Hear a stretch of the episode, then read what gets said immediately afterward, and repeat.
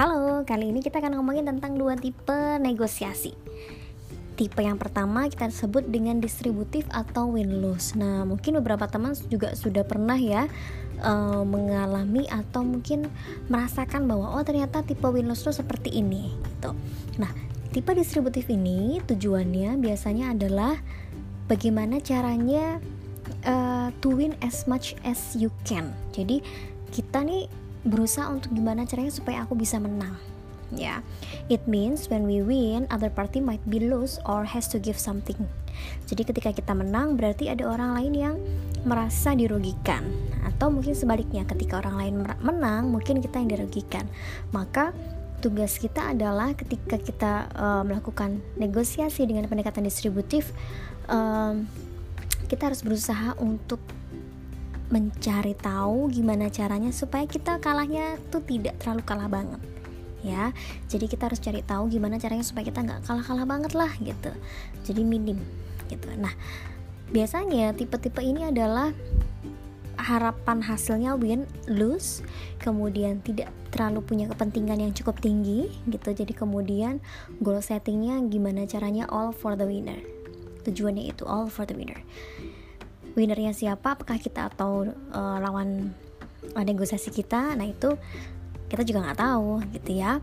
Nah kemudian uh, durasinya pendek. Artinya kita nggak butuh waktu lama untuk memutuskan sesuatu karena kita ingin segera mungkin memutuskan sesuatu atau mengambil keputusan. Dan kita punya dalam hati itu I have to win this. Nah udah mulai kebayang ya kira-kira seperti apa?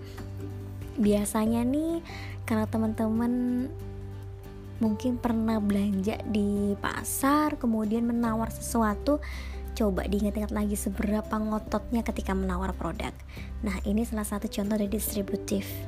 Kita berusaha untuk gimana caranya bisa mendapatkan harga yang terbaik ya. Sehingga kita punya range oh gue harus beli ini misalnya harganya uh, eh, 2000 gitu. 2000 harus dapat sekian eh ternyata dijualnya 5000 maka you will try ya as hard as you can ya untuk gimana caranya supaya bisa menang dengan segala macam rayuan. Nggak peduli ibu itu senang atau tidak misalnya. Tapi yang penting aku bisa dapat harga 2000 itu distributif ya.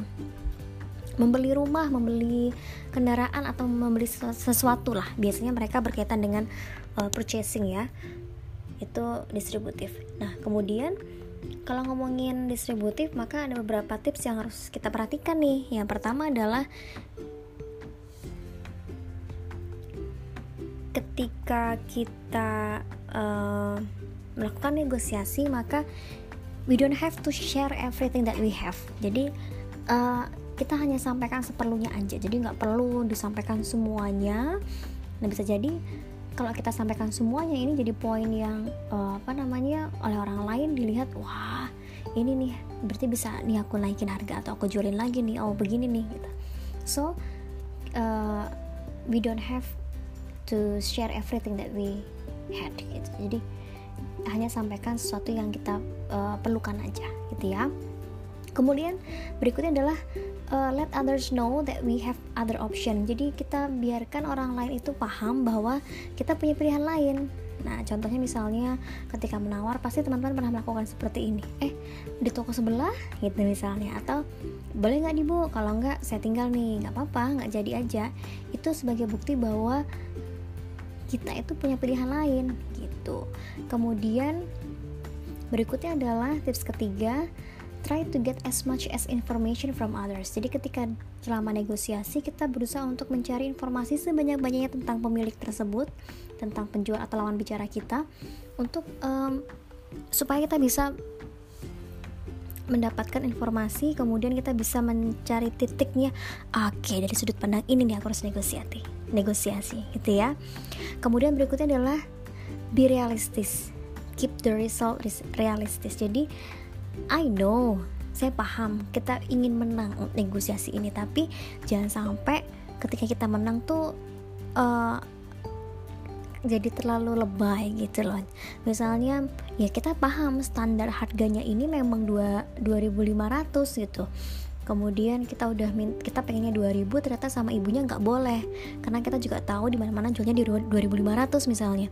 Jadi ya udah kita bisa terima dengan 2500 walaupun kita mungkin tidak mencapai harga yang kita inginkan tapi itu adalah harga yang realistis. Daripada kita memaksa 2000 kita dapat yang kita mau tapi ternyata si penjualnya nggak happy. Atau penjualnya malah jadi ngedumel gitu. Karena ternyata kita terlalu berlebihan ya. So this is very important. Oke, okay, itu tentang distributive negotiation. Next, kita akan bahas tentang tipe yang kedua, integrative negotiation.